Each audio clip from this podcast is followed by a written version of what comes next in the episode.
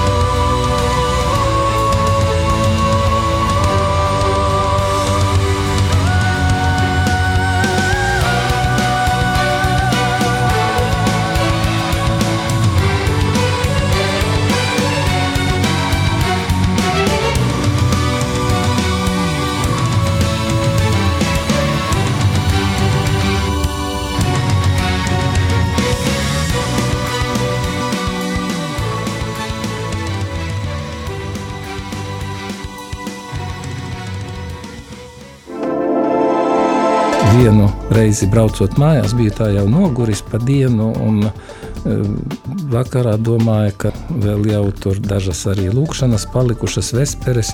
Un te klausos radio Mariju, un viņi sāk vesperes e, lūgties. Es domāju, nu cik labi es kopā tagad braucot, e, arī palūkšos ar kopā radio Mariju komandu vesperes, un man būs šis pienākums un šis prieks izpildīts un izdarīts. Es esmu Jelgavas bīskaps Edvards Pavlovskis. Klausīsimies kopā. Skan ikdienas pārdomas kopā ar svētīgo tēvu Jāni Jāsepu Latastu.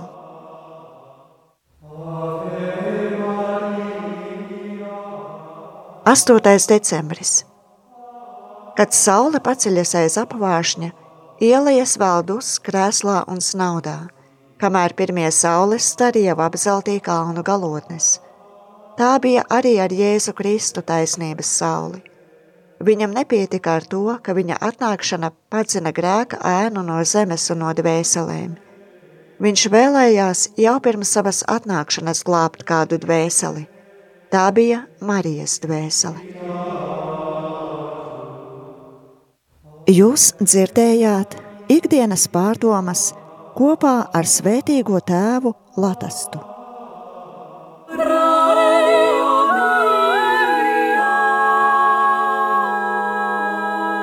Tu klausies Radio Marija Latvija.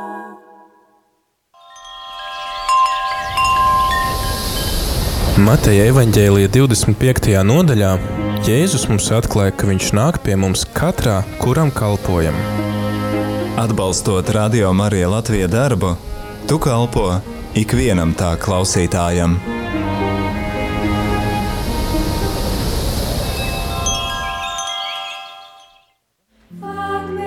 Radio Marija Pasaules ģimene aicina klausītājus visā pasaulē katra mēneša pirmo piekdienu veltīt kā lūkšanu un gavēņa dienu, kā arī šī gada laikā ar Radio Marijas starpniecību doties garīgā svētceļojumā kopā ar citu valstu klausītājiem, vienojoties rožu kroņa lūkšanā, kas tiks pārraidīta no dažādām marijāniskajām svētvietām pasaulē.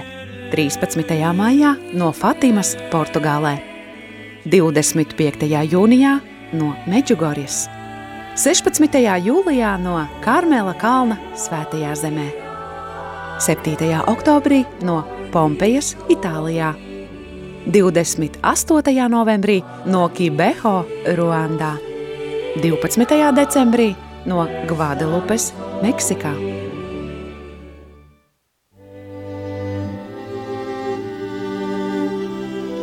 Adventa kalendārs kopā ar Radio Mariju Latviju.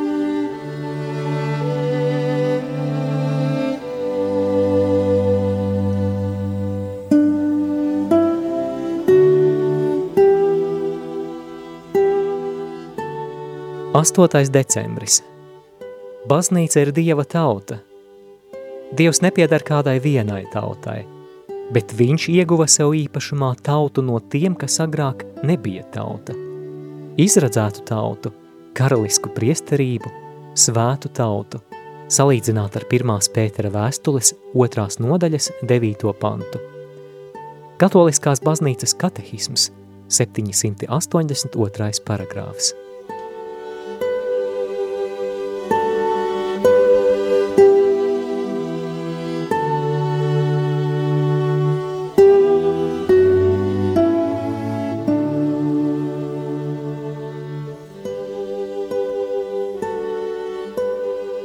Es esmu Kristaps Staņa, esmu Latvijas regbija izlases treneris un regbija kluba Fēniks galvenais treneris. Manā klubā spēlē priesteris Pēteris Skudra, un tamdēļ man nereti ir iespēja reflektēt par dažādām baznīcas lietām un par kristietību, īpaši jau sarunājoties ar pašu Pēteri. Baznīca man ir kā tādas stipras sabiedrības pamatakmens, vērtības, uz kurām balstās mūsu valsts, un kas ir par pamatu valsts pamatšūnai ģimenei.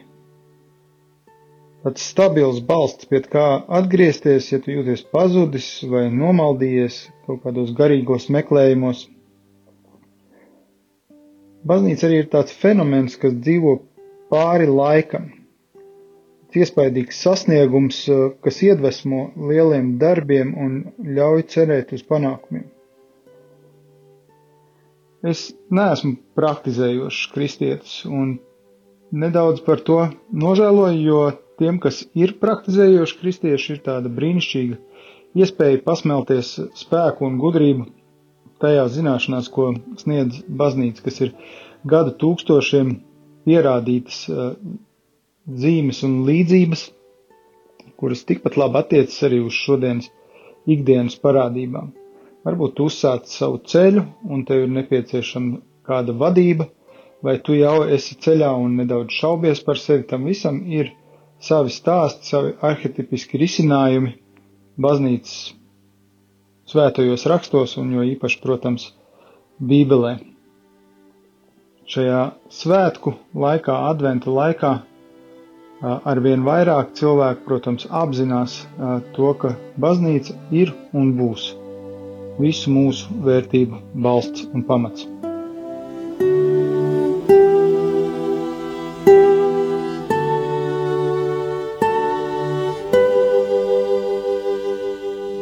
Adventa kalendārs kopā ar Radio Mariju Latviju.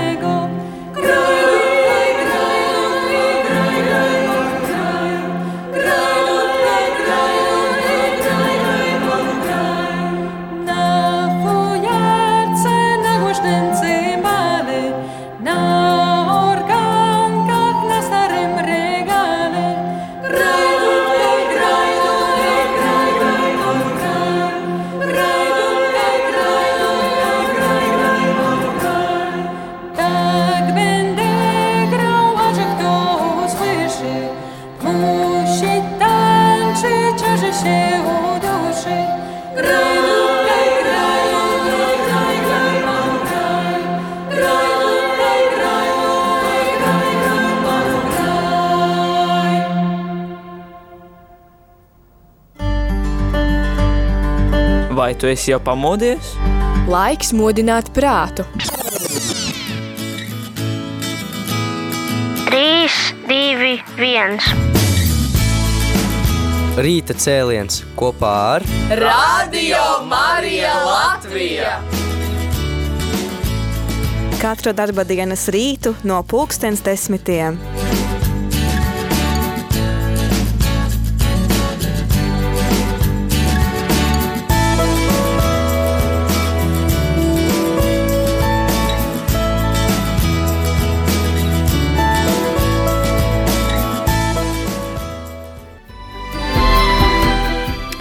Ir 10 un 14 minūtes trešdienā, 8. decembrī, joprojām svinam rādījumā arī dzimšanas dienu, 6 gadi ēterā. Māri, daudz laimes dzimšanas dienā.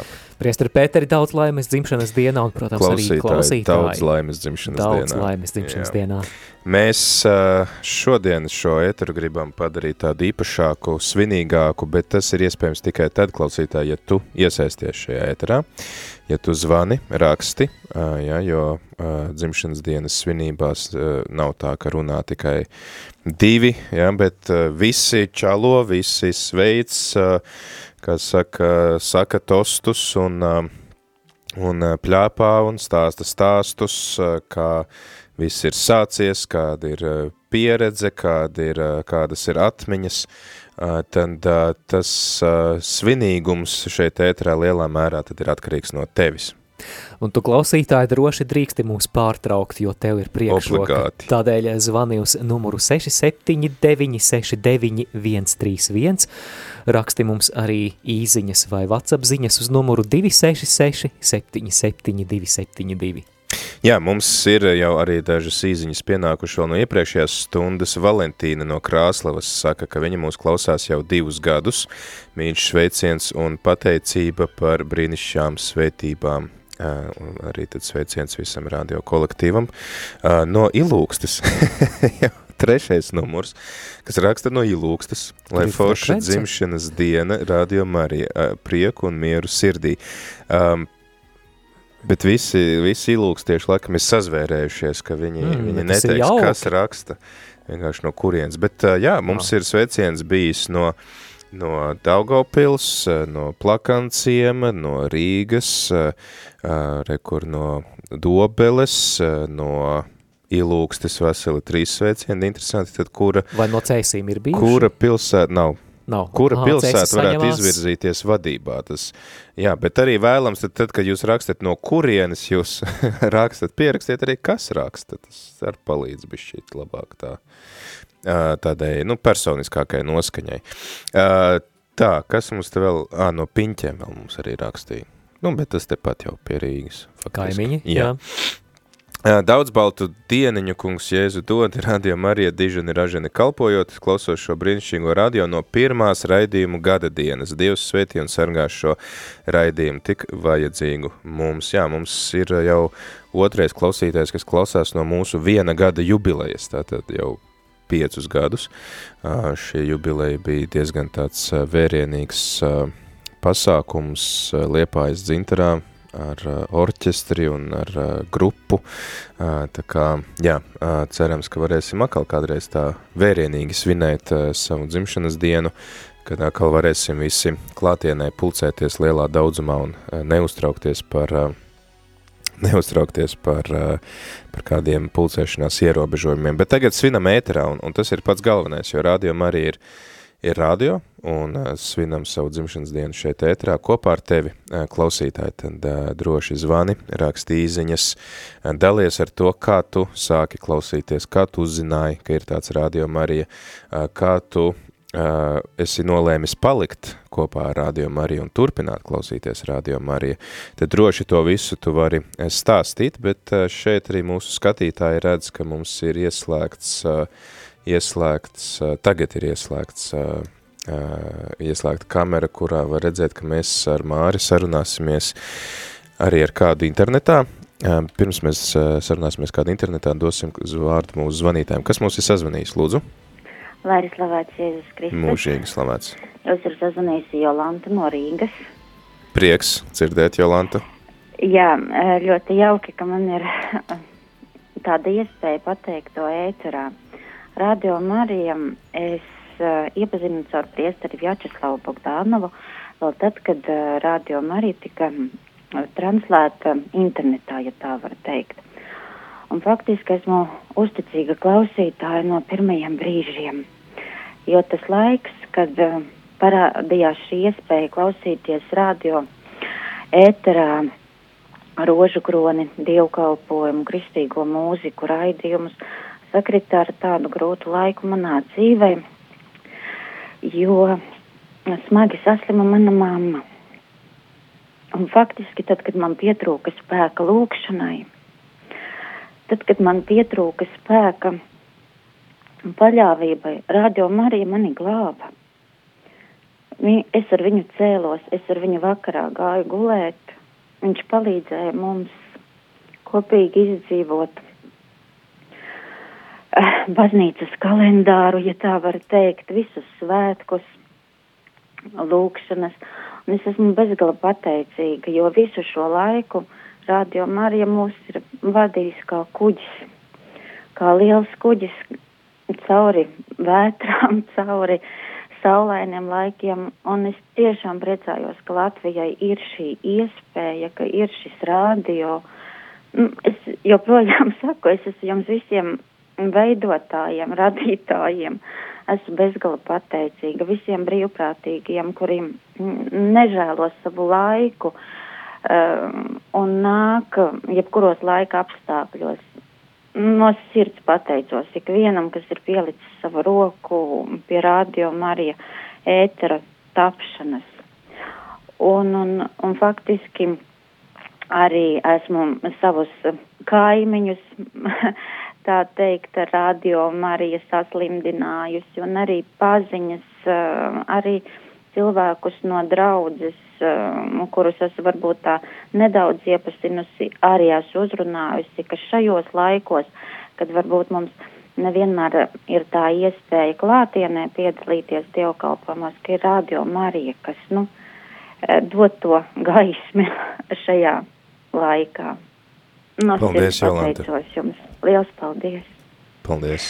Un mums ar mammu pat ir tāds sauciens, ka mēs mīlam Radio Mariju. Paldies! Paldies! Paldies! Paldies. Lai sveitīgi svētki! Paldies jums! Paldies. Un mums ir arī vēl kāds zvans. Jā, vairs nav. Jā, tad, ja gadījumā jūs zvanat uz numuru 679693131 un jums paceļ klausuli, tad uh, dzirdat ēteru klausulē, tad nenolieciet, jums tiks dots arī vārds. Vēlams arī pirms tam izslēgt radioaparātu, bet dodam vārdu, jā, vēl klausītājiem. Halo, jūs esat ēterā, lūdzu. Nu, lai būs slavēts Jēzus Kristus. Mūžīgi mūžam slavēts. slavēts. Nu, te no Dobeles sveicieni.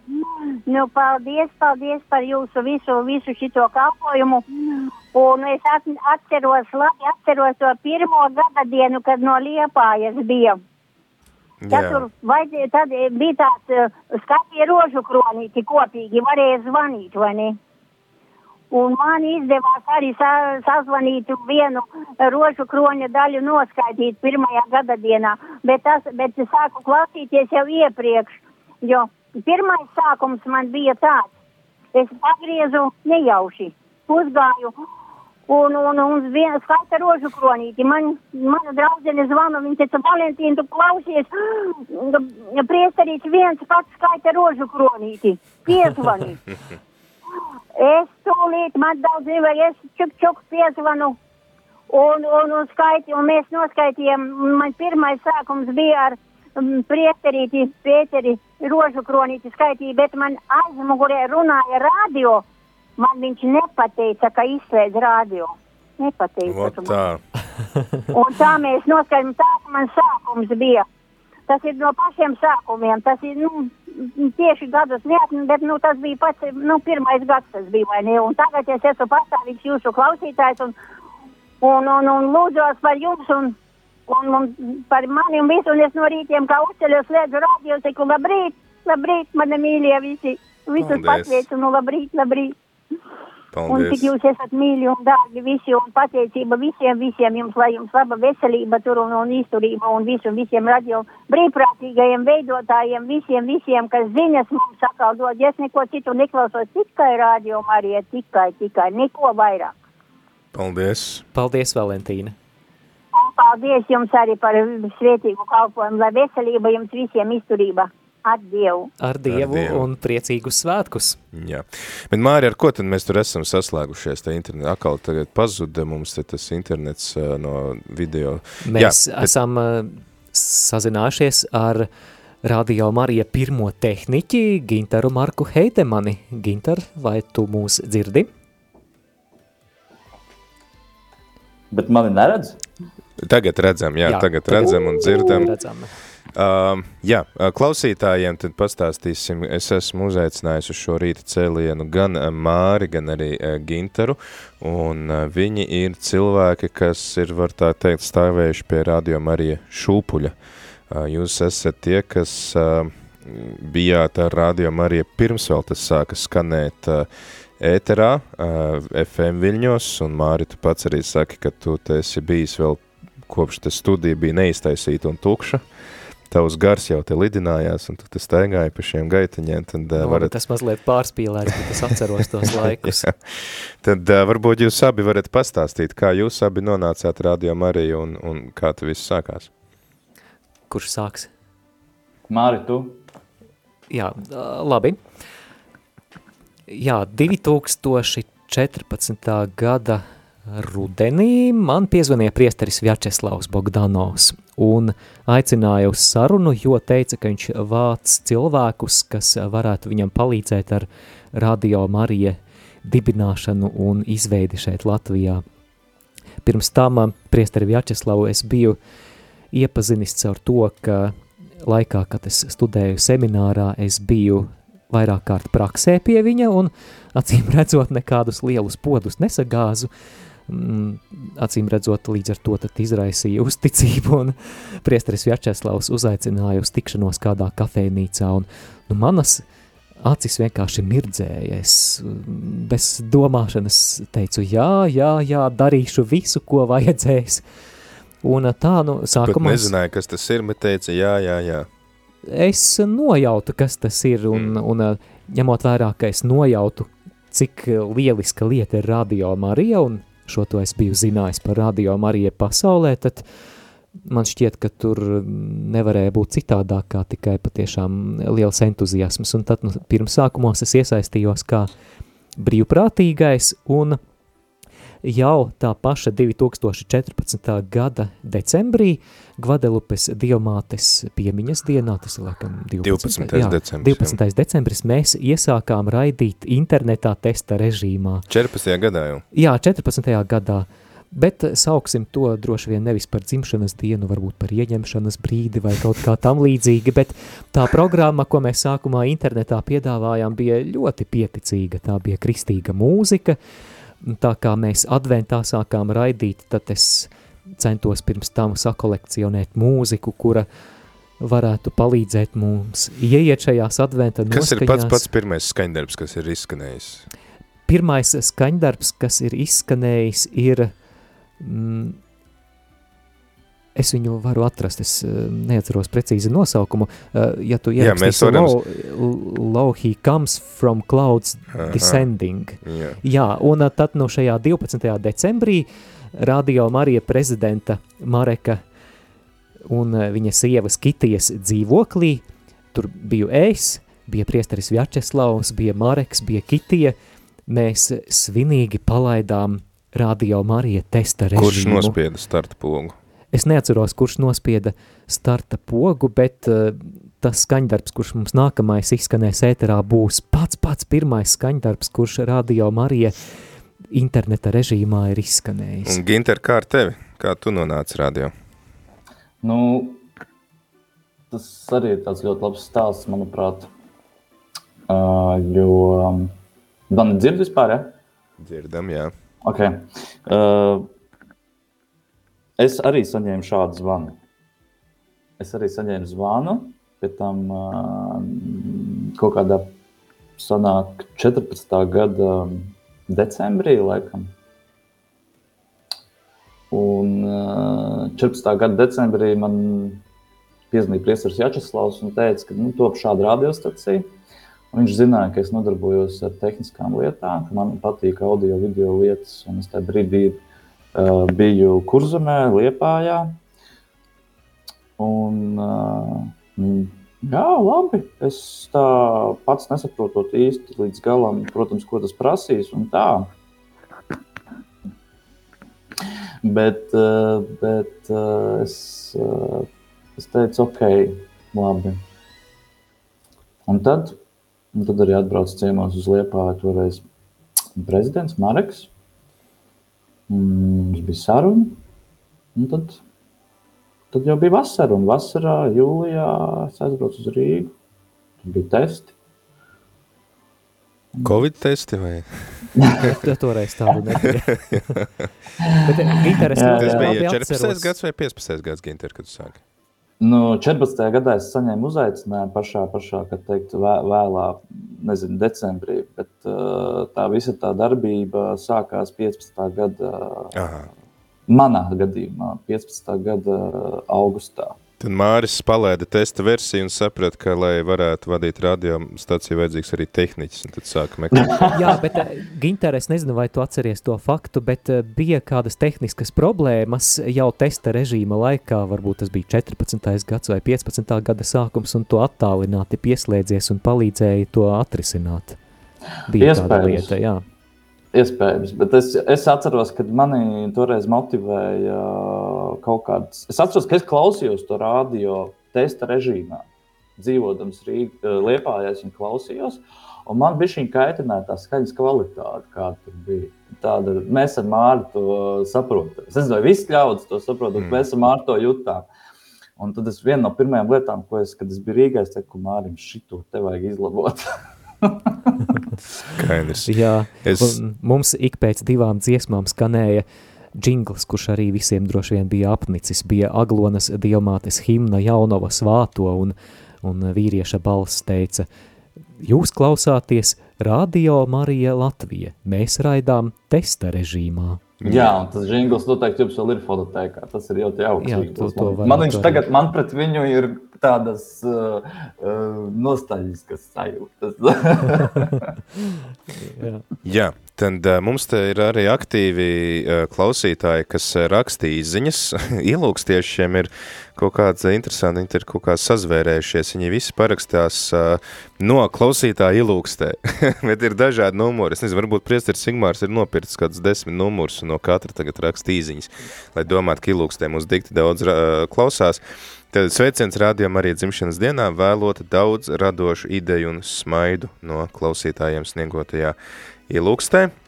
Paldies! Paldies par šo sveicienu. Sveicienu brīnišķīgajiem radio klausos jūs kādus trīs vai četrus gadus. Viss ir interesants, īpaši katehēzes, bet arī citi raidījumi. Paldies par sveitību, ko nesat Elizabete no Talsiem. Elizabete, brīnišķīgi. Es ceru, ka tu no Talsiem esi uzrakstījis vēstuli Nepulu padomē, ka no visām četrām radiostacijām, kas ir pieteikušās uz brīvo frekvenci, tu gribi dzirdēt tieši Radio Mariju. Ja vēl neesi uzrakstījusi, tad uh, uzraksti, uh, sameklē Nepal padomes uh, mājaslapā viņu e-pastu un aizsūta, ka hei, Noteikti. no visām šitām četrām es gribu dzirdēt Radio Mariju, tāpēc, ka Radio Marija dara to, to un to un to, un, un uh, tas mums visiem ir uh, nodrīgi. O, uh, mums raksta Sintija Grava. Slavēts Kristus no sirds sveicu labākā radio svētkos daudz dieva žēlistības un mīlestības, atceroties svēto Augustīnu, uh, lai dziesma ir divkārša uh, lūkšana. Paldies, Sintija, un mums ir arī kāds zvanītājs, kas mums ir sazvanījis, lūdzu. Slavēties Kristus. Mūžīgi, mūžam slavēts. slavēts. Priecīgus svētkus. Paldies. Daudz laimes dzimšanas dienā arī tev. Cenas jums gāds stāv sešas tortes un viena svetīte. Nu, vēl, vēl neviens nav atvedis, tā kā tu vari būt pirmais, Aleksandra. Mārīte Kliņģeri atveda. Ir kliņģeris, Jā. ir super. Ir kliņģeris. Jā. Jā, es tā drusciņ, drusciņ padalīties, kā, kā man vispār, nu, es uzzināju mm, savu sievu Ingrīdu, kā bija tā, bija jāveic uh, Latvijā izpēta, lai, vis, lai kā vispār var no, izveidot radiostaciju. Tad uh, mēs ar viņas draudzeni Sabīni uh, braucām un uh, interesējāmies, kādos frekvencēs un viļņos varētu radio arī skanēt Latvijā. Tas bija dots tāds uzdevums, katrai baznīcas informācijas centram, lai šo, šo kā saka, tādu pirmsoli izpētīt, saprastu, kur pie kā griezties un tā tālāk. Tad man tas tā uzrunāja, jā, nu forši, klausies, mums būs katoļiem savu radiostaciju beidzot. Tas sanāk, ka Aleksandra arī tu esi stāvējis zināmā mērā pie Radio Marija bija, jā, šūpuļa. mēs bijām aizbrau, aizbraukuši, bija tāda Agenskalnā radiostacija Merkurs. Mēs ar tā vadītāju tikāmies un runājām, un tad viņš pat bija gatavs piedāvāt viņa viļņos uh, rai, raidlaiku pats Mm. varētu, teiksim, ievietot. Viņš teica, ka, teiksim, vakara stundās ir cevišķi uh, nu, tā ūdens virsma, tie radio viļņi, es tāds neesmu speciālists, protams, iedodiet, ja kāds klausās no radio speciālistiem, bet uh, kā tie uh, rai, uh, skaņa tā izplūst ļoti labāk un kvalitatīvāk. Viņš pie, bija gatavs piedāvāt, ka varētu radio arī skanēt tajos, man liekas, īsviļņos, vai kā tie skaitās. AM, jā. Jā, nu, lūk, un, un, un, un, tad mēs tur bijām aizbraukuši pie viņa Agenskalnā tajā uh, studijā, tāda maza studija, nepārstīvēšana, nu, labi, tur kaut kāda varbūt 12 kvadrātmetru telpa bija. Jā, un, un, un, un, un, tā iepazināmies, kā vispār veidojās, kā vajadzētu veidot radiostaciju, kas tam nepieciešams, un tā tālāk. Tad arī aizbraukuši Bolderā, jā, tur, kur uz Daugavgrīs, pa Daugavgrīs ielu brauc pašā galā, tur ir arī viņam atradās tie rai, tas raidi, uh, antēnas visas, un tur arī pat radio tāds neliels muzejs, kur visādi radio pārraides ierīces atrodās un tā tālāk. Jā, un tas mm, man uzrunāja, un tā no tā brīža iespēja robežās es sāku klausīties radio Mariju un arī klaušos, klaušos līdz šim brīdim un domāju, klausīšos arī tālāk. Un iesaka arī pārējiem uh, atrast sev interesantos raidījumus un klausīties. Uh, tā. Un, Aleksandr, liels paldies tev par to, ka tu ne tikai klausies, bet ka tu arī iesaisties tajos raidījumos, kur klausies. Tas ir pats svarīgākais, manuprāt. Būt ne tikai vārda klausītājam, bet būt arī par raidījumu līdzdalībnieku. Tā varētu pārfrāzēt šo evaņģēlīju fragmentu. Jā, un tad mēs, mēs tur esam divi tādi šoferi, kas braukājam ārpus Lat Rīgas. Tad mēs varam tādu drusku drusku nokomunicēt un pateikt, kur vai labi skan vai slikti skan. Jā, tik, Arī no ļoti labi, jā. aparāta. Šobrīd braucot no, no, no Jālgavas uz Kalciemu, teikt, ļoti labi dzirdamība. Prieks dzirdēt. Nu, tad novēlot, lai iemācīs aizgādībā radiostacija darbojās, aug, lai kļūst vēl labāka, vēl interesantāka, lai ir visu laiku tāda izaugsme. Paldies, Aleksandr. Visam pāram, lai arī nu, ir laba veselība un mūžs gārsts un dzīves prieks. Neskatoties ne uz kā, kādām grūtībām. Jo ar grūtībām mēs arī sevi norūdam un arī kļūstam spēcīgi. Paldies, Aleksandr. Tev ar to pašu visu tad novēlam. Ar Dievu mums ir vēl kāds klausītājs. Kas mums ir sazvanījis, lūdzu? Jūze, Ilze. atbalstāties Mūžīgi, mūžam Mūžīgi slavēts. mūžam. jums visu to labāko es novēlu. Prieks, ka ir tāda, tāds rado. Es klausos, kur jau divus gadus, un prieks, ka es varu sūtīt aizlūgumus, un jums novēlu visu, visu to labāko. Nu, ilgus gadus skanēt. Paldies, Paldies. Ilze. Paldies par šo Paldies. sveicienu. Jā, ilgus, skanus, ilgu, ilgus gadus skanēt. Um, mums vajadzētu atskaņot dziesmu, un te Māris saka, ka ir jānoklausās tā dziesma, kas pirm, pirmā, pati, pati pirmā dziesma ir izskanējusi vispār kaut kādā saistībā ar radio arī šeit Latvijā, bet uh, pirms mēs, pirms mēs ķeramies tam klāt, tur, uh, Ginter, varbūt tu vari mazliet pastāstīt klausītājiem, kā notiek tur tā frekvenču izvēlēšana. Aleksandram bija dots uzdevums noskaidrot eh, par frekvencēm, viņš ar kaut ko runāja par īsviļņiem un FM un AM, kas, kā, kā, kā vispār notika, kā, kā mēs tur varam atrast tos viļņus, kur translēt. Nu, ir tā, ka uh, uh, frekvenču spektrs ir sadalīts brīvajā un, ne, un teikt, tādā, kurš nav tik brīvi pieejams. Uh, visu šo frekve, frekvenču spektru pārvalda valsts. Un tad uh, valsts ir noteikusi, kuras ir tās frekvences, kuri, kuras drīkst lietot jebkurš cilvēks savām vajadzībām. Mm -hmm. Nezinu, piemēram, uh, piemēram radio mikrofonu izmantot savā balītē kaut kur, vai, vai, vai arī frekvences, kurās ir komerciāls, kuras, par kurām ir jāmaksā nomas maksa. Mhm. Vai arī tādas uh, frekvences, uz kurām tu vari pieteikties, bet par kurām ir teiksim, īslaicīga nomas maksa. Vai arī tādas, kas ir ļoti spēcīgas, kas ir tas frekvenču diapazons, kurā raida radio. Tātad no 88 MHz līdz 107,9. Un tad šīs ir tās frekvences, kuras radio, uz kurām radio piesakās konkursu kārtībā. Mhm. Un līdz ar to teiksim, tas laiks, kad radio arī ienāca Latvijā, 2015. gads, tā bija tāda, arī es teiktu, tāda um, dieva apredzība, dieva providence.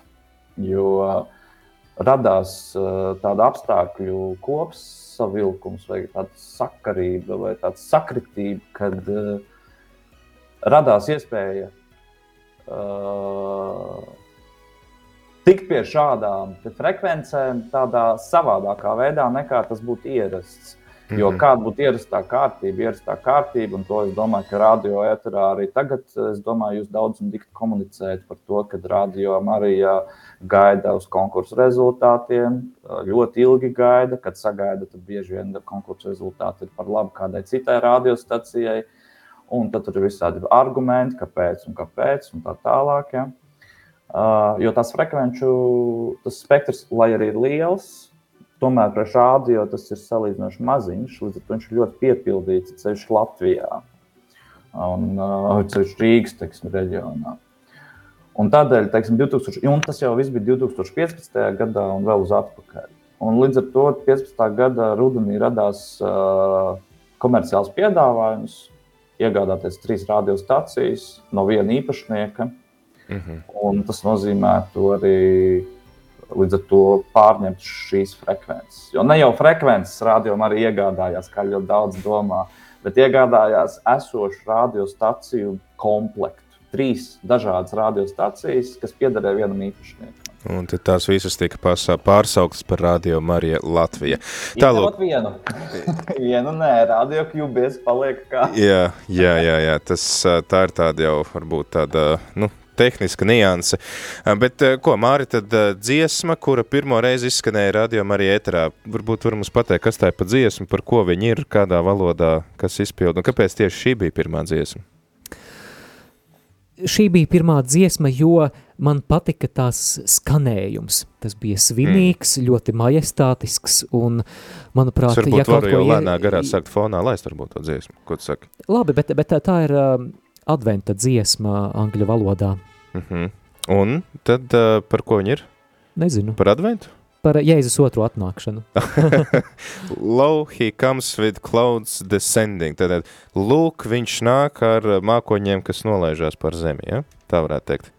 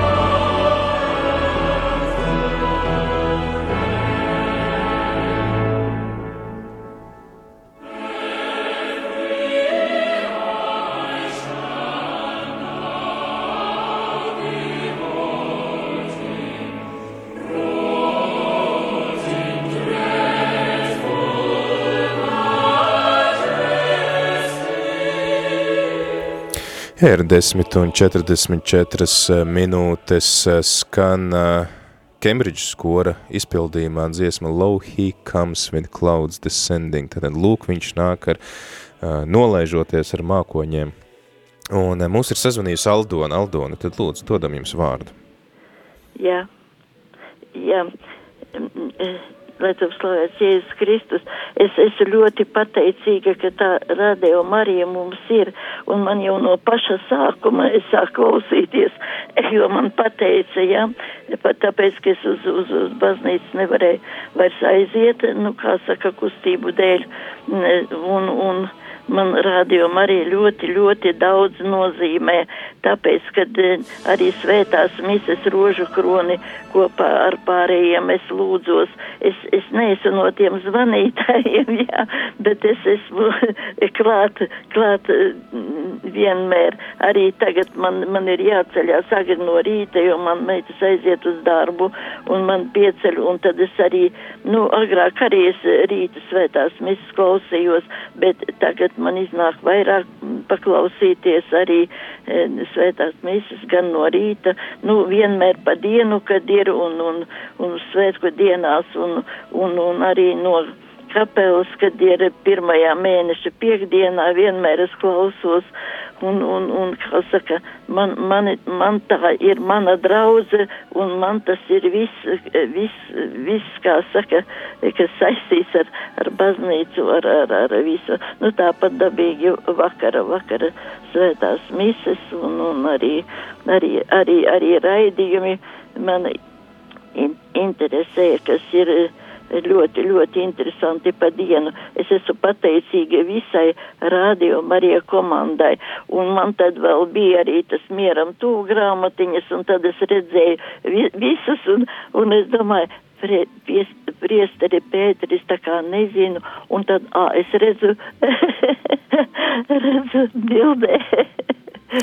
Liels paldies jums, Aldona, par sveicienu. Jā, jā, jā, nu es ļoti, ļoti, ļoti pateicīga. Te vienreiz es pazvanīju, kad bija tie ziedojumi, un tad man, man, man priesteris Pēters pieķēra un lika skaitīt rožu kroņu, un tās arī noskaitīja vienu noslēpumu. Citādi es kautrējos tā zvanīt un piedalīties, jo man jau tā, tā kā saka, tie gadi tādi, ka es varu kaut kur tā kā bišķi nokļūdīties kaut ko, tad es tā, tā kautrīgi tā, nu, neuzdrošinos tā, tā zvanīt. Tā kā sirsnīgs, sirsnīgs paldies visai eh, ma, radio Marija komandai un, un visiem, kas tur darbojas, lai visiem izturība, veselība un galvenais arī lūdzos, lai, lai radio Marija varētu paplašināties visā, visā, visā Latvijā. Man jau meita zina vienmēr, kad ir jāpārskaita radio Marijai, nu tas nevienmēr iznāk mēneša sākumā vai kādreiz jau kaut kur uz beigām nepārskaitīt. Viņi vienmēr zina, kad, kad radio Marijai ir jāpārskaita. Jā, liels paldies, Aldona, par šo zvanu. Un, uh, 679 69 131 ir numurs, uz kuru tu vari klausītāji zvanīt un pievienoties Aldonai, padalīties ar to, kā tu esi sācis klausīties, kāpēc tu klausies radio Marija, var arī rakstīt īziņas uz numuru 266 77 272. Janīnas ģimene no Mārupes mums raksta no sirds sveicam radio Marija dzimšanas dienā un sveicam arī visus jūsu, visu jūsu brīnišķīgo kolektīvu sešu gadu ētrā. Jūs esat mums ļoti vajadzīgi. Esam ar jums no paša sākuma ēterā skanot. Paldies, Janīna ar ģimeni, tad mums ir vēl zvanītājs, ja? Jā, lūdzu, jūs esat ēterā. Halo! Lai slavēts Jēzus Kristus! Mūžīgi mūžam slavēts! Šeit jums sveiciens no nākotnes, Emīlijas. No cik tālas nākotnes? Daudz laimes jums dzimšanas dienā visiem tur.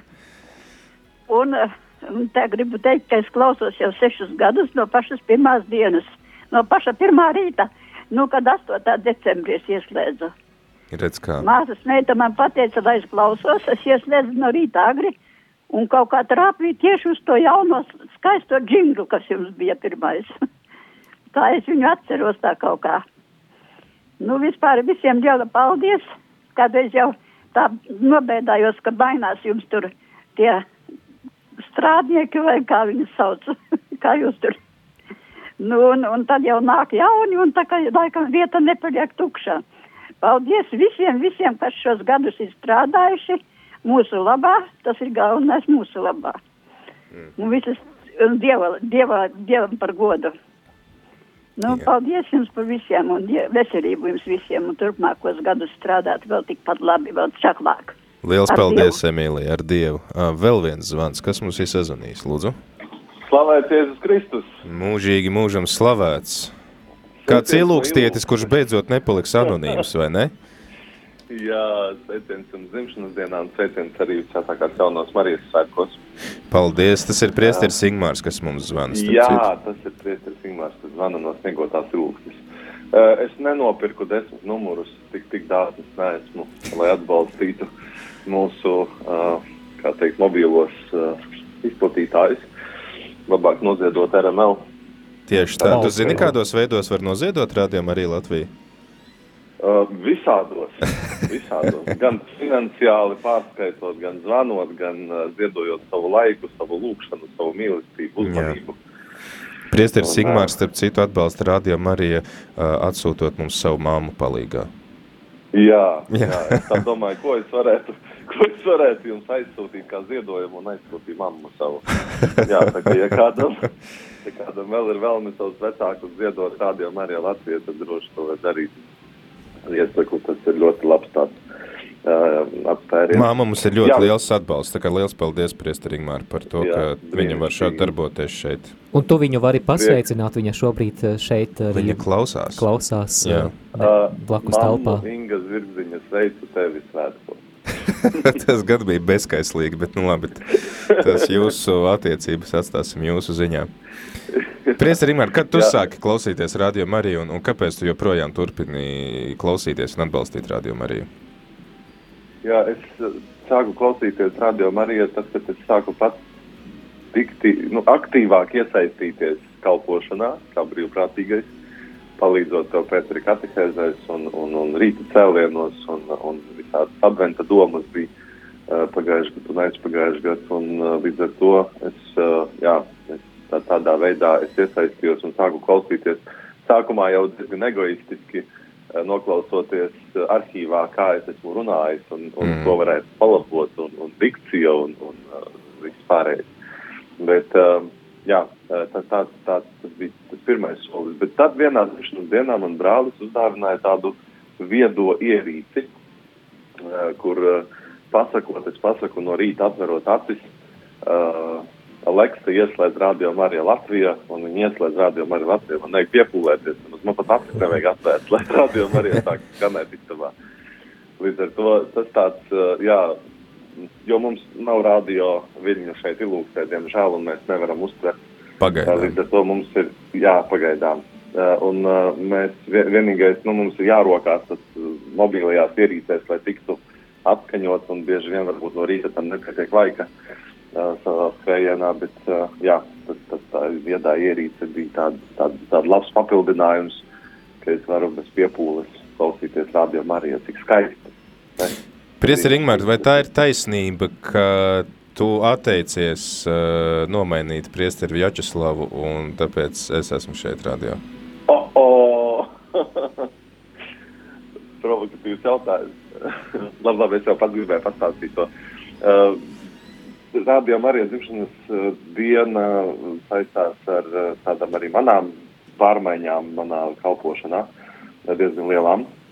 Uh, 2014. gada rudenī es tiku pārcelts uz uh, Tukumu kalpot uh, no, no Jaugavas, uh, kur biju tikai vienu gadu vikārs. Un, uh, tur bija, jā, tas bija liels pārbaudījums man īpaši pirmais gads tukumā. Un uh, daudzas lietas bija jādara, un es saņēmu vienu dienu zvanu no priestera Bogdanoviča. uh, Bogdanova, es atvainojos, Česlav, Bogdanovs. Man stilūks ar Bogdanoviču daudz ir, tāpēc man tā, tā, tā, tā, tā sajuka. Jā, Bogdanovs, viņš zvanīja man un piedāvāja būt par uh, Rādio Mariju Latviju direktoru. Paldies, ka tu atteicies. Cik Jā, traki te būtu es bijis, cik- bet es nevaru Jā, iedomāties. es tik labi ļoti redzu, ka svētais gars tik ļoti labi darbojās, Jā. jo tu esi radio Marija direktors, un es tiešām, ja tā drīkst teikt, es fanoju par tevi, Pēteri, par tavu izveistību, par tavu tādu uh, redzējumu, par būšanu visur. Man tā liekas, tu kā svētais tavs pio, tu esi visur. Tev ir ne tikai bilokācija, bet trilokācija un, un visas pārējās lokācijas tev ir ieslēgtas un pieejamas. Jā, un tā izpratne un tā deksme katehēzē skaidrot uh, pāvesta dokumentus, un, un mēs, man, man pašam ir interesanti, jo man slinkums lasīt tos dokumentus, es pats ar tiem iepazīstos savā katehēzē. Jā, tas ir arī liels atbalsts priesteriem ikdienā, jā. Jā. Eh, Tā kā jā, nu, es atteicos, jo jā, bija tas juteklis lielais tukumā, un, un ļoti daudz noslogojums liels, un, un, un es nobijos, jā, vienkārši laikam es nobijos, vēl nebiju tam gatavs. Bet redzi, kā Dievs strādā un sētais gars ne, neguļ. Uh, Radio Marija sešu gadu laikā ir izvērsies. Uh, es, jā, es agrāk labprāt radios konto klausījos, bet nu jūs manā sirdī to esat izkonkurējuši. Prieks, jā. prieks paldies tev, Priesringmār. Ka... Jā, lai forša dzimšanas diena, lai labi svinētu. Tev arī turpmākais atbalsts no Ilūksnes garantēts. paldies. Vēl kāds zvanītājs mums ir, vairs nav zvanītājs. Labi, paldies priesterim Ingmāram. Tālūk, redz, varējām uzzināt vēl mazliet par pirmsākumiem. Vēl dažas īziņas īveta mums raksta daudz dieva žēlastību Radio Marija Latvijas sešu gadu jubilejā. Sveiciens visam kolektīvam, brīvprātīgiem, visiem, kas klausās. Radio ir brīnišķīgs, daudziem tā ir vienīgā iespēja piedalīties misē un lūgties. Tā ir kā otra elpa un brīnišķīgi raidījumi. Vēlot visiem labu veselību mums raksta Īveta. Paldies, Īveta, par uh, tavu īziņu un par to, ka arī uh, nepaliec anonīma. Reku kolēģi Līva mums saka, mums jau ir torte vēl bez kliņģera, mums ir arī torte, tā kā var nākt arī to ēst, un uh, jā, tad vēl ir daudz baltu dieniņu, kungs Jēzu dod, rādījām arī kalpojot, klausos jūs kopš pirmsākumiem. Covid laikā rožu kroni mostos neju gulēt, pateicos par man veltītām lūkšanām operācijas laikā, dzirdot priestera skudras balsi, kas ļauj kas ausī ļoti tīkam un klausoties viņu skaidriem ticības nozīmēs un gandrīt un laimīga pazemībā aktrise Olga Dreģe. Tālūk, liels paldies. Jā, mēs tik tiešām bijām saņēmuši ziņu par jūsu gaidāmo operāciju, un mēs to, par to arī lūdzāmies, un rekur arī Ginters ceļ roku, viņš arī grib kaut ko sacīt, tad lūdzu, Ginter, dodam tev vārdu. Nu, paldies, paldies, ka arī man iedeva vārdu. Citādi es tā klausos. Man ļoti gribās reaģēt uz tādām daudzām lietām, ko es dzirdu tajā ēterā. Un es te runāju, runāju, un es saprotu, ka man jau neviens nedzird. Un par uh, Olgu Dreģi gribu pateikt, ka uh, Olgas Dreģis tas uh, jingls, kas ir radio ēterā, arī noteikti, ka viņš, es ceru, Mārta, viņa neesi kaut ko ar viņu nomušījis vai kaut ko izdarījis, bet tur bija tāds jingls, kur viņi saka, ka klausās radio Marija. Uh, pa... Tu domā, man... Tu domā šo? Jūs klausāties radio Marija Latvija. Jā, jūs zināt, kā viņš tapa. Uh, Olga Dreģe baznīcā pēc dievkalpojuma vienkārši tika palūgts ierunāt šo, šo frāzi. Nu, tā ātri garām ejot, ar visiem trokšņiem, kas var veidoties un tā tālāk. Un tad tas jingls tika skaisti teikt, apstrādāts, lai tiktu ielikts ēterā. Un viņš, viņš tas jingls ir ļoti tāds mierīgs vakara jingls, kas paldies. Jā, tiešām paldies māksliniecei par, par šo, šo džinglu, un mums ir arī lūkšana ierakstīta ar mūsu slavenās aktrises balsi, tā kā liels, liels paldies, ka patiesībā mūs klausās, ne tikai klausās, bet arī iesaistās tādi ļoti nu, profesionāli un, uh, un gudri zinoši cilvēki savā jomā, kā nostādīt balsi, kā labi un skaisti nolasīt kaut ko, kas pēc tam skan un priecē visus pārējos klausītājus. Māris noteikti atcerās Idēnas Cērmanas uh, Jā. vadītās uh, runas nodarbības. Jā, paldies Irēnas kundzei par viņas ieguldījumu. Dodam vārdu vēl klausītājiem, kas mums ir piezvanījuši, Māri. Jā, lūdzu, halo. Otrs paliec, lūdzu, līdienas. Mūžīgi mūžam slavēts. Prāves Silmāns no savas puses gribu sirsnīgi sveikt arī rādījumu arī Latviju lielajā jubilejā. Paldies, Paldies. Prāvest Ilmār. Un, un brīvprātīgais Prāvest Ilmār. Jā, brīvprātīgais, un esam ļoti priecīgi, ka arī um, ir iespēja raidīt no salas pilsēs, īpaši tagad sestdienās no rītiem, un arī Tāpat raidījumā tā kā patiešām vēlos arī novēlēt tādu dieva stiprinājumu jaunos mājas aizbūvniecības, tiešām ar izturību šajā kalpojumā, kas nav viegls, bet kas ir ļoti svarīgs, jo visur, kur es braucu, arī tagad daudz pie slimniekiem, gan pierīgā, gan salaspilī, visi viennozīmīgi klausās rādījumu arī Latviju. Un es varu teikt tā, ka ir cilvēki, kas ir teikuši, ka ja, ja nebūtu šī rādio, viņi nezin, kā viņi dzīvot. Ja? Tā kā ļoti, ļoti, ļoti liels svētīgs kalpojums, ko Es domāju, ka paši radio Marija Latvija darbinieki to tā īsti neredz. Varbūt nav iespējams to saredzēt, bet mums prāvestiem, kas kalpojam ar cilvēkiem, nu to, tas ir viennozīmīgi milzīgs instruments, kas kas ļoti daudziem cilvēkiem palīdz ikdienas dzīvē, lūkšanā, īpaši vecajiem, slimajiem, kuri mājās nespēcīgi. Kā liels, liels paldies! Prāves Tilmār, kad mēs tevi varam dzirdēt radio arī ēterā? Nu, nākošu trešdien es jau sāku gatavoties. Es vakar atšķirnījos, ka es aizmirsu tēmu. Es vakar jau pacelāju, sāku klāt savas grāmatiņas, tā kā radījums paradoks. Katra mēneša, kura tā bija trešā vai ceturtā trešdiena, es neatceros, ka nākošā laikam, ja? Ka nākošu trešdienu ir mana reize, un pulkstens astoņos mēs mēģinām risināt tādus, nu, jautājumus, kas ir tādi, nu, varbūt tādi sāsinoši, kur varbūt rodas spriedzi. Mēs mēģinām paskatīties jautājumus, kur ir gan vienas puses viedoklis, gan otras baznīcā. Un tagad mēs mēģināsim runāt, kā var saskaņot to, ka katoliskā baznīca ir pestīšanas pilnība un ka ir citas konfesijas un draudzes, ja mēģināsim šo jautājumu. Tā kā, nu, mēs tajā raidījumā mēģinām to risināt un, nu, man pašam ir, mēs gribētu vairāk kalpot radio Marija, bet uh, darbs draudzē un viss, bet iespēja robežās atbalstam uh, un lūdzamies, arī ziedojumus vācam un tāpat iespēja robežās tikmēr palīdzam. Liels paldies, Priestri Ilmār! Tad nākamā trešdiena, astoņos klausamies un iesaistamies Priestri Ilmāra raidījumā, zvanam, rakstam īziņas, uzdodam jautājumus, viņam tagad galva ir Lai liela gudra. svētī un jauno Mariju arī sargā. Paldies! Paldies! Jā, priecīgus svētkus salas pils draudzēji! Un otrs klausītājs mums ir piezvanījis. Lūdzu. Halo? Jā, kas mums Lai zvana? slavēts Jēzus Kristus. Mūžīgi mūžam. Zvana Regīna no Jaunfilbaugas. Gribu jums sirsnīgi pateikties.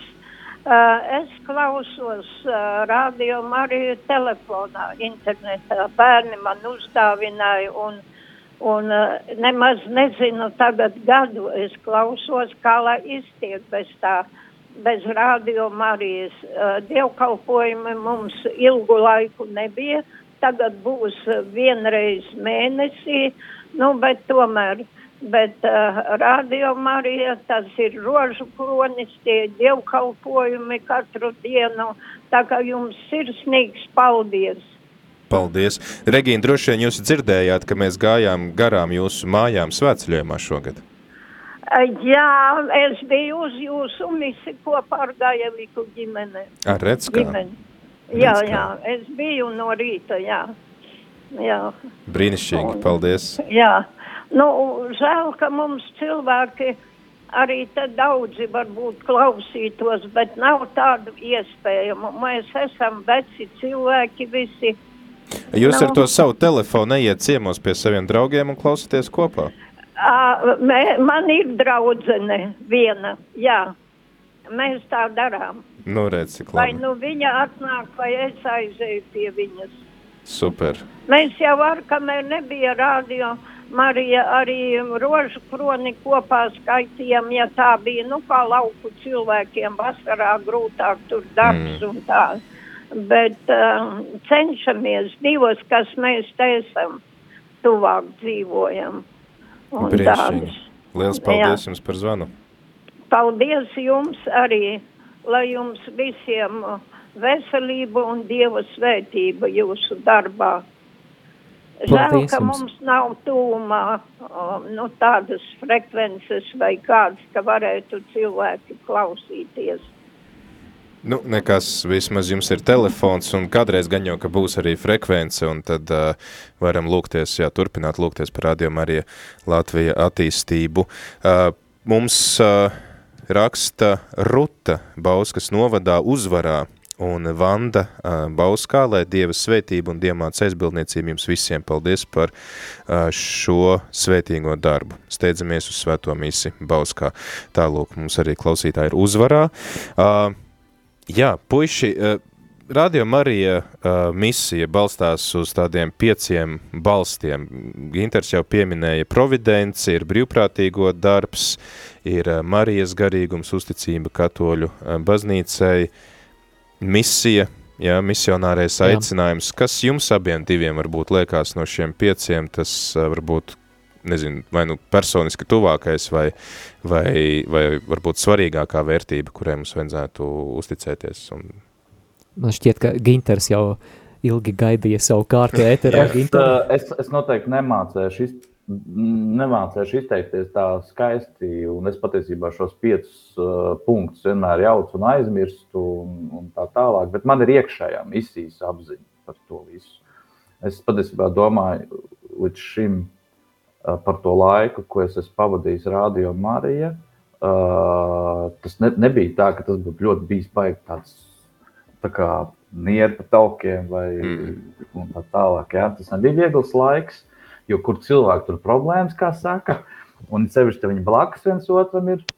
Uh, un tā pašā laikā es vienmēr esmu piedzīvojis un redzējis visus šos gadus uh, to pārdabisko dievu klātbūtni tajā visā, un kā tas arī ir strādājis uz mani personīgi tieši.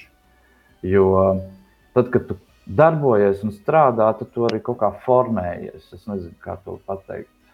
Nu, tur teologs vai kāds uh, psihologs labāk to varētu pateikt. Bet uh, radio, tad kad, tad, tad, kad es strādāju Radio Marija, es sapratu, ka tas ir ne tikai mans devums kaut kādam, teiksim, nu, tai, nezinu, tehniskās lietas vai vēl kaut kas, bet arī to es saņemu pretī. Es saņemu pretī tādu pār, nu, tādu. Es, Es laikam piekritīšu Judītei, kas savulaik teica, ka tā ir tāda ļoti ekskluzīva, ekskluzīva lieta būt tādā. Jo tu nevari darīt darbu, tu nevari strādāt radio, ja tev nav iekšēji pārliecības par to, ko tu tur dari un kāpēc tu to dari. Tur, tas nav iespējams, tas nav parasts darbs. Nu, kaut kā tā. Es, es, es jautos, varbūt, viņš, bet, mm. bet, um, nē, nē, paldies, paldies par uh, tavām pārdomām, Māri man noteikti ir ļoti svarīga misija. Mm. Un uh, radio Marija misija evanģelizēt ļoti sasaucās ar to, ko es jūtu arī savā sirdī. Mana vēlme ir kalpojot, mm -hmm. palīdzēt cilvēkiem tuvināties Dievam. Mm -hmm. Un ja visus šos gadus mans darbs vienlaicīgi ir bijusi arī iespēja šo misiju realizēt, tad esmu par to ļoti laimīgs un Dievam pateicīgs. Starp citu, Ginter, tev sveiciens no Veltas. Velta raksta sveicieni dzimšanas dienā un īpaši sveicieni Ginteram. Tā kā... O, paldies, Velta. Jā. Tev arī. paldies. Vēl mums raksta Mirdze no Liepājas šajā Virdze gan vēlas atskaņot dziesmu celies un staro, ar kuru viņa gribētu veltīt radio Marijas kolektīvam, visiem brīvprātīgiem klausītājiem un arī priesterim Pēterim personīgi, lai Dieva svētīta šī diena un visus turpmākos gadus, lai Radio Marija ar savu skanējumu pārklāja visu Latvijas eh, teritoriju. Paldies, eh, Mirdze, par eh, sveicienu mums šeit dziesmai. Varbūt, ka arī sameklēsim šo, ir. šo dziesmu, mums tā ir playlistē, tad Juris mums raksta, lai top slavēts Jēzus Kristus, sumināti visi sešu gadu jubilejās, sveiciens ētra balsī Rihardam Miķelsonam, gribu sveikt tehniķi Jākabu, par kur man ir īpaša liecība, bija sludinājums no Radio Marija Latvija, kas plānoja tiešraidi no Skaistkalnes, bet nav kas aizved tehniķi. Pieteicos, sākām braukt, iepazināmies, automašīnā skanēja Radio Marija, pasūdzējos, ka neatskaņo manis izvēlēto dziesmu, Jākaps paņēma datoru, saspēdīja pogas un pēc brīža automašīnā skanēja tā dziesma. Paldies, Jākap. jā, nu, Ginter, starp citu... Es arī esmu, es arī esmu tā izdarījis. jā, Ginter, pastāst, kā, kā notiek tas, ka var rekurs sēdēt kaut kur uh, mašīnā vai kādā baznīcā un, uh, un nodrošināt pieslēgšanos, uh, kas skan ēterā visā Latvijā. Kā, kā jūs to darat? Nu, tie veidi ir dažādi, bet tas īsais kopsavilkums ir attālinātās interneta iespējas. Tad attālināta iespēja pieslēgties ierīcei, kas atrodas fiziski, geogrāfiski kaut kur citur. Mm -hmm. Galvenais nosacījums ir internets, lai tā mm. ierīce, no kuras tu pieslēdzies, un ierīce, kurai tu pieslēdzies, lai abas atrodas internetā. Un, ja abas ierīces atrodas internetā, tad, uh, tad tu jūties tā, kā tu patās blakus vienā telpā. Tas nozīmē, ka mēs ar Māri tagad uh, sēžam savos telefonos un uh, tev gribi, piemēram, mums nosūtīt ziņu vai uzlikt, piemēram, jaunu uh, fona attēlu, tad tu to var izdarīt sēžot saldu tagad. Nu, vispār, eh, jā. tas paliek biedējoši. Nē, lai tas ir iedrošinājums arī brīvprātīgajiem, ka ir kalpošanas iespējas. Jā, piemēram, raidījumu montēšana vai, jā. vai Jums neviens klāt neslēgsies, bet jūs varat pieslēgties studijai. Jā, un jā. to var darīt no jūsu virtuves vai no jūsu guļamistabas.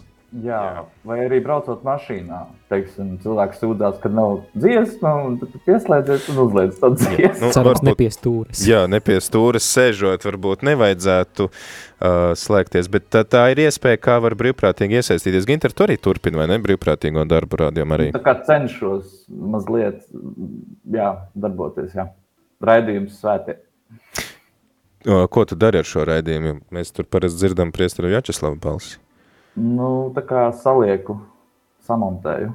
Aha, skaidrs. Un tad vēl par šo to. Skaidrs. Uh, jā, kas varbūt ir tāds jums abiem diviem pēdējā lieta, ko jūs atceraties visspilgtāk no šī laika? Starp citu, mēs varētu paprasīt kādam klausītājiem, vai ir kāds, kas klausījās rādījumu arī tad, kad vēl tas bija testa versijā, tad, no 2014. gada 12. 12. decembra. Cikos jūs sākāt translēt? Vakarā, tas varētu būt ap deviņiem vakarā. No deviņiem vakarā. Skaidrs. Vai ir kāds, kas dzirdēja jau tajā internetā, interneta versijā, tad varat uzzvanīt mums šeit uz studijas tālruņa numuru, pastāstīt, kā jūs atradāt un uzzinājāt par to. Bet kas jums abiem ir palicis atmiņā, varbūt vispilgtāk no tā laika, kad rādījām arī vēl neskanēja FM viļņos? Um, Jā, Ginter. Uh, Māris tātad tur ir ātrāk bijis iesaistīts. Viņš kopā ar Vjačeslavu Priesteri tātad darbojās jau no 14. Es iesaistījos tātad 15. gada vasarā. Un tas laiks bija tie trīs mēneši, kas priekš manis bija ļoti svētīgs laiks, jo es ieraudzīju to procesu un varēju ņemt dalību tajā procesā, kā tas ir, ka tu telpās, kurās nekā nav, uzbūvē radio nu, tā kā tas rādio, kādam viņam būtu jābūt. Tad, tad gan sadarbojoties ar ļaudīm, ar speciālistiem, gan ar uh, dažādiem profesionāļiem, un pats arī daudz ko nezinot, un pirmo reizi mūžā redzot un, un mācoties. Tas laiks, tā, tas līdz brīdim, kad uh, rādio sāk skanēt 8. decembrī FM viļņos, man tas laiks vienmēr paliks atmiņā kā tāds ļoti īpašs laiks. Ja, man liekas, ka mēs vēl tagad jūtam to, ka mēs nedabūjām izgulēties. es, es, es vienkārši tā kā tu jautā tieši par to laiku līdz FMam, tad jā, man, tai, man tie ir tie, tas laiks no augusta līdz, līdz, līdz, līdz decembra sākumam. Jā, pirms sešiem gadiem šajā datumā es pamodos mūsu radio ofisā un steidzos pie mikrofona, vēl nesaķemmējies. Labi, ka toreiz nebija YouTube tiešraidis. Jā. Jā, tas gan labi. Bet uh, kas man nāk prātā par testa režīma laiku, jeb par to laiku, kad mēs skanējām tikai internetā, kad mēs gatavojāmies, kad mēs mācījāmies, man šķiet, ka tas viss bija ļoti naivi. Ja tagad no šī brīža pozīcijā mēs paskatāmies, nu cik tas bija naivi, viss bija pilnīgi citādāk, tik vienkāršas playlistes, uh, Tur nebija iespējas. Skanēja. Jā, Vinamps skanēja, un tur nebija iespēja konkrētā laikā ieprogrammēt, lai atskan kāds raidījums, bet mēs to darījām no sirds. Es kolekcionēju mūziku, es rakstīju priesterus, kuri ik pa brīdim atbrauca uz mūsu improvizēto studiju un ierakstīja pārdomas par evaņģēliju. Kas bija pirmais, pirmais uh, raidījums, kas izskanēja? Ja tu domā par tādiem tematiskajiem raidījumiem, tā varētu būt vai nu agape, vai nu mīlestības terapija, vai nu mīliet cits citu. Šie ir trīs pirmie raidījumi, kuri jau, skanēja. jau sāka skanēt mm. testa versijā. Un tas ir viens no pirmajiem arī, tad kas nebija mūzika, kaut kas, kas izskan, ja? Kas nebija mūzika, tad laikam pirmais projekts bija, kad mēs ar māsu Tabitu ierakstījām visu Marka evaņģēliju, Oho. un mm. tad mēs arī pa nodaļām ik pa mm. brīdim starp dziesmām atskaņojām kādu laiku tieši Marka evaņģēlija. Redz kā. Redz kā. Mums uh, Gunita raksta no Madonas, lai slavēts Jēzus Kristus klausos darbā radio jau trešo gadu, lai Dievs nebeidz jūs pārsteigt mīļa sveicienu no Madonas. Paldies, Gunita, par sveicienu no Madonas. Tad daudz laimes dzimšanas dienā, lai Dievs jums dod visas nepieciešamās žēlstības jūsu kalpojumā. Paldies par aizlūgumiem. Kāds no liepājas, kas parakstās ar iniciāli V. Uh, Ināra mums raksta, Ināra raksta pirmo reizi īziņu. Paldies, Ināra, ka esi saņēmusi drosmi mūsu dzimšanas dienā iesaistīties ētrē. Es ceru, ka šī ir pirmā īziņa no 150 īziņām, uh, kas būs, nu, varbūt nākamo piecu mēnešu laikā. Pēc tam atkal skatīsimies, cik mēs varam sarakstīties. Mīļa sveicieni dzimšanas dienā, daudz baltu dieniņu. Paldies, Ināra. Vēl viens sveiciens Ginteram. Atālinātais darbs, we did it before it was cool. Es pieļauju, ka tu zini, Ginter, kas to raksta, jo te nav es parakstījies neviens.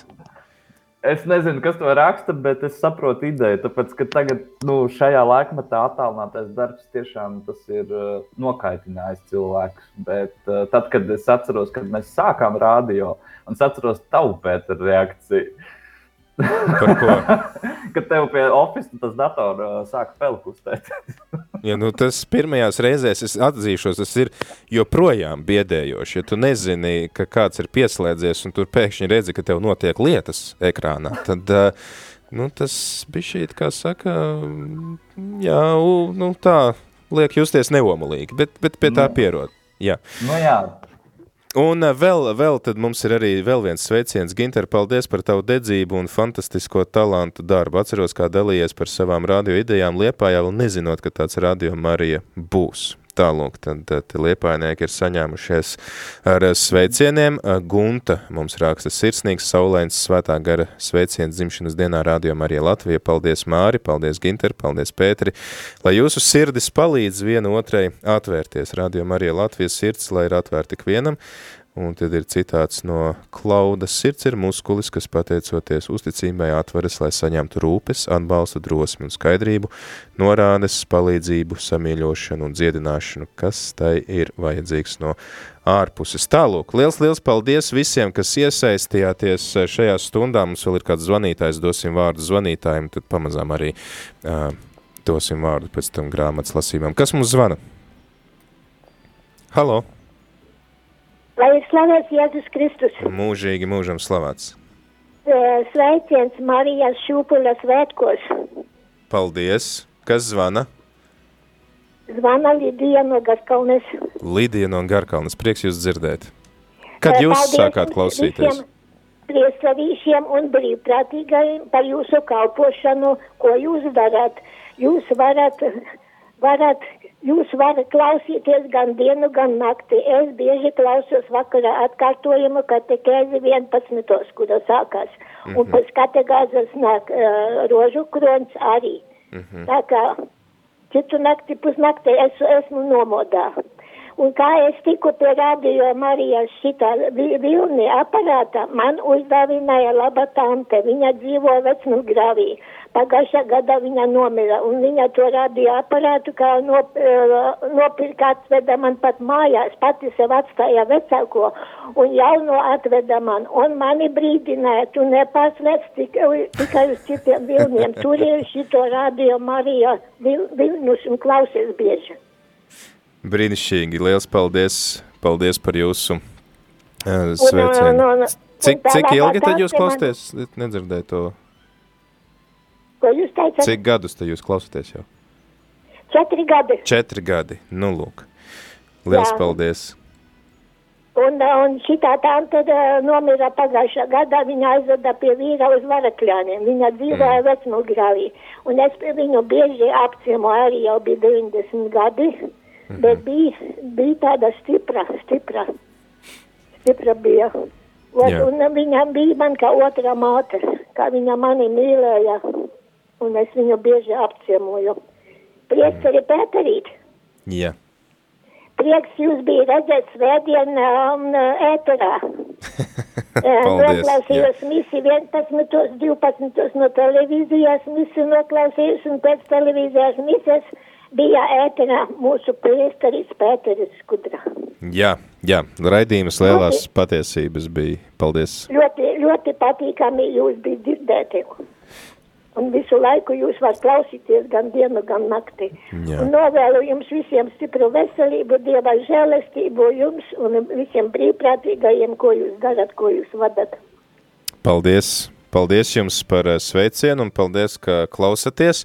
Jā, mums eh, tad pamazām jau arī rekord Ginters rāda, ka viņam ir jāsteidzās un, Māris arī man atgādina, ka jau jā, jādod vārds eh, tālākām programmas daļām. Uz pulksten 12. būs svētā mīsa šeit, tā kā visi tie, kas uh, varat, paliekat uz Radio Marija Viļņa, 12. mums te arī būs tāds īpašs ciemiņš, kas svinēs šo svēto misi, un svēto misi svinēsim visu mūsu klausītāju nodomos, visi, kur jebkad ir kādreiz ieslēguši radio Marija, tad uh, par jums arī šī lūkšana.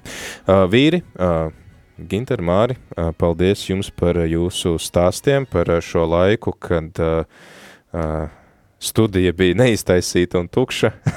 un, bija, putekļaina. Un putekļaina. Vienmēr tie, kas tagad skatās un redz to video, jā, jā. aiz muguras tās, uh, es viņus saucu par mačalkām, jā.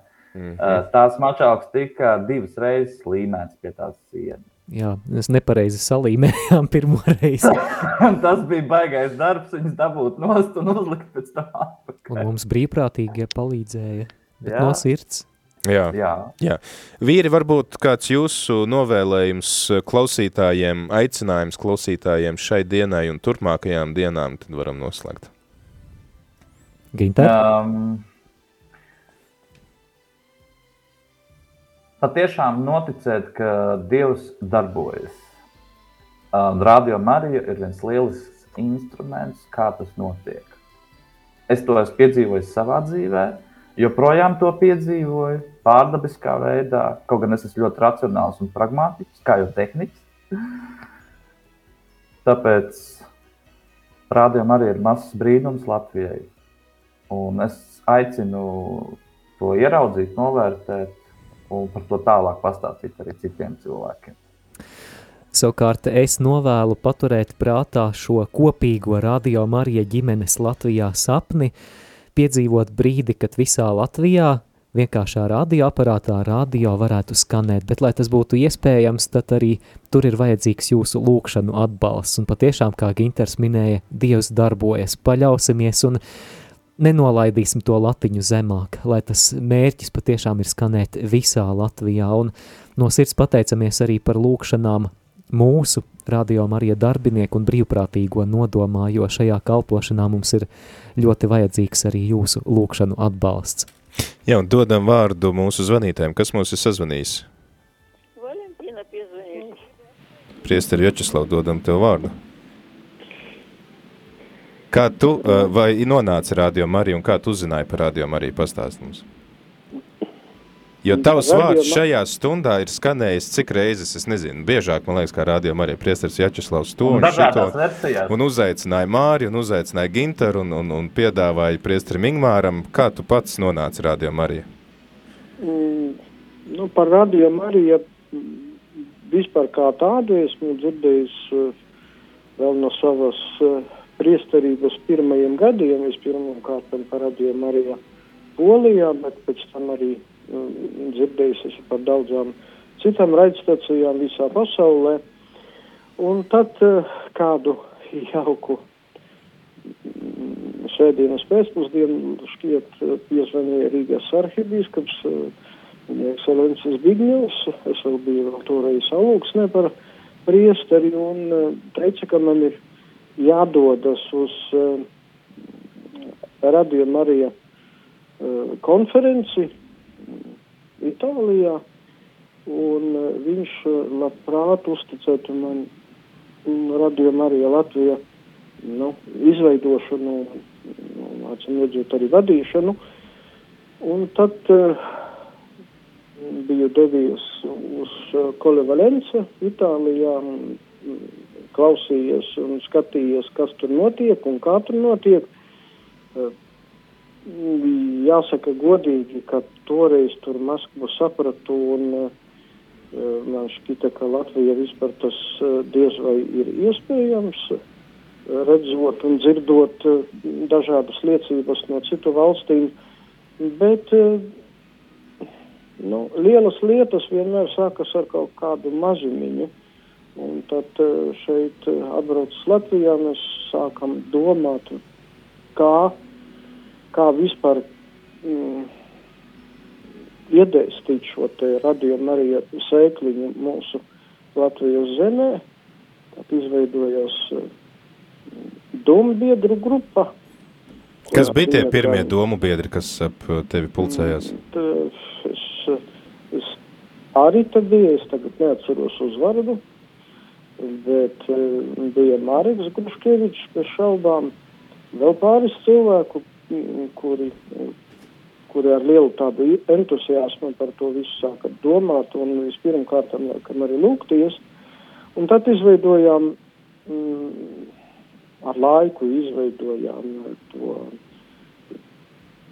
stundas garumā tādu, rai, tā, es nezinu, stundas garumā raidījumu, kas atkārtojās internetā ik pēc stundas vai ne 24 stundas diennaktī. Un uh, tur jau bija, es biju uzrunājis uh, mā, Māri, Jā, un vēlāk tad arī uzrunāju Gintaru un, un Irīnu. Janumā un vēl pāris cilvēku, kuri tad kļuva par tādu, nu, par tādiem, nu, pirmsākumu, teiksim tā, Latvijas radi, tajā radījumā arī Latvijā. Bet pēc tam jau, pēc tam jau tad nāca tāds jauns enerģisks, enerģisks priesteris Pēteris, kurš arī pārņēma visu to lietu un, un tad radījumā arī sāka skanēt dzīvajā ēterā. Tas bija tas, bija tas vislabākais moments. Tā. Priester Vjačeslav, kas priekš tevis ir varbūt tā svarīgākā lieta, kam rādījām arī būtu jāpaliek uzticīgai? Te puiši dalījās gan par misionāro šo aicinājumu, gan par to kopienas aspektu. Tad kas tev šķiet varbūt svarīgākais uzdevums? Es domāju, ka primārais uzdevums uh, Kristus evaņģēlijas sludināšana, Dieva vārda sludināšana un popularizēšana mūsu vietējā sabiedrībā un bez šaubām mums kā katoļticīgajiem ir uh, jaunavas Marijas godināšanas uh, popularizēšana un izplatīšana starp, starp mūsu zemes ļaudīm. Tas ir tas svarīgākais, manuprāt, svarīgākais uzdevums vismaz uz doto brīdi šeit Latvijā. Skaidrs. Priester Vjačeslav, mēs joprojām sešu gadu garumā varam dzirdēt tavu balsi ne tikai svētajās misēs, bet ir arī raidījums, ko joprojām uzticīgi vadi. Kas tas ir par raidījumu, kur mēs te varam dzirdēt un kad tas ir? Tas ir, tas ir raidījums, raidījums, kas ir veltīts visiem svētajiem, Nu, pa šiem gadiem jau ir daudz, kas ar daudziem svētajiem esam kopā pabijuši un iepazinuši viņus. Nu, cerēsim, ka vēl ar Dieva svētību un Dievmāca gādību turpināsim šo te, šo te uh, iepazīšanos ar uh, tiem cilvēkiem, kuri ejot savu dzīves ceļu, kalpojuši Dievam un, un, un liecinājuši par Dieva mīlestību un klātbūtni.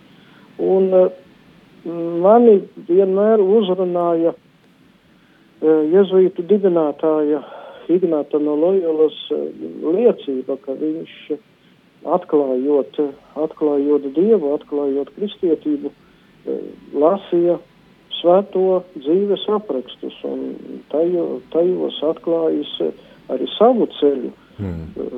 Un, un es domāju, ka stāstot par svētajiem, izveidojot varbūt nevisai pilnīgas tādas liecības par tiem svētajiem šī raidījuma ietvaros, es nu, sniedzu arī savu tādu liecību par to, ka būt par svēto nebūtu nenozīmē darīt kaut kādu pasakājumu grandiozās lietas, bet vienkārši dzīvojot savu dzīvi, dzīvo, staigājot savu dzīves ceļu, darīt Dieva mīlestības darbus. Tā. Priezar Jačeslav, liels, liels paldies uh, par uh, tavu arī zvanu un par tavu dalīšanos šeit ētrā un par to, ka tu joprojām esi kopā ar rādījum arī.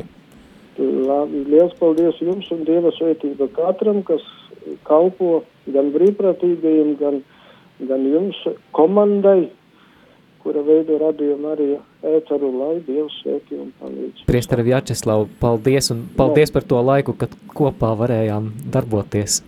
Paldies par visu, ko priestari tu esi izdarījis, lai radio Marija varētu skanēt Latvijā. Tas jau arī tāpat. Tā, tā. tā, paldies. Jā, tas bija priesteris Jačeslavs kopā ar mums šeit Radio Marija ēterā. Tad arī esam tikušies ar Māri un ar Ginteru, kuri mums stāstīja par šiem pirmsākumiem, par laiku, kad Radio Marija bija tādā testa versijā un kā tas nonāca līdz ēteram FM Viļņos. Vīri, liels paldies jums par šiem sākumiem un paldies par dalīšanos. Paldies, paldies. un daudz laimes svētkos. Daudz laimes dzimšanas dienā. Jā, daudz. Paldies. Jā. Uh, mēs uh, noslēgsim raidījumu. Mums ir vēl kāds, ne, vairs nav zvanītājs, bet mums ir divas īziņas, un tad mēs varam atvadīties no mūsu klausītājiem. Pulksten 12. tiekamies svētajā misē šeit, Radio Marija uh, kapelā, Radio Marija ēterā. Uh, būs arī viesis, kas svinēs šo svēto misi. Uh, mise visu klausītāju nodomos, uh, tā kā palieciet ar mums, bet Mārijā, tad kas mums ir? Vilija no Rīgas raksta sveicu jūs katru, kas kalpo Radio Marija Latvijas sešu gadu jubilejā, lai Dieva svētība ir ar jums vēl ilgi.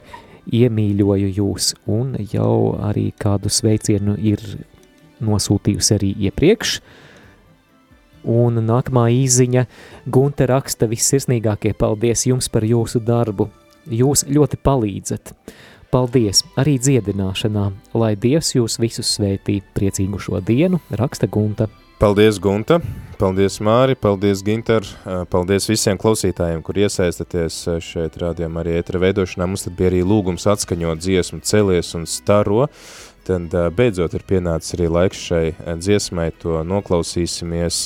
Pēc tam arī lūkšana par bīskapa Boļislava Sloskāna beatifikāciju, un tad jau pulksten 12. tiekamies uz svēto misi, bet tu joprojām klausītāji var iesaistīties šeit ētrā, raksti īziņas uh, par to, kā tu sāki klausīties, ko tev nozīmē, un ko līdz tu dzirdi šeit balses ētrā, tad droši zvani uz ēteru, jo tas tad arī ir tas veids, kā mēs varam šos svētkus padarīt vissvinīgākos. Tā kā ir tādas divas ļoti skaistas dāvanas, ko tu var uzdāvināt šodien radio arī dzimšanas dienā. Pirmkārt, savu balsi, vai vismaz savu īziņu, raksti, zvani, un otrs tad ir, protams, tu vari uzdāvināt tādu arī praktisku dāvanu Radio Marija, atstāt kādu savu ziedojumu vai kļūt par brīvprātīgu, varbūt tieši šodien, lai nodrošinātu nepārtraukt Radio Marija skanējumu arī turpmāk.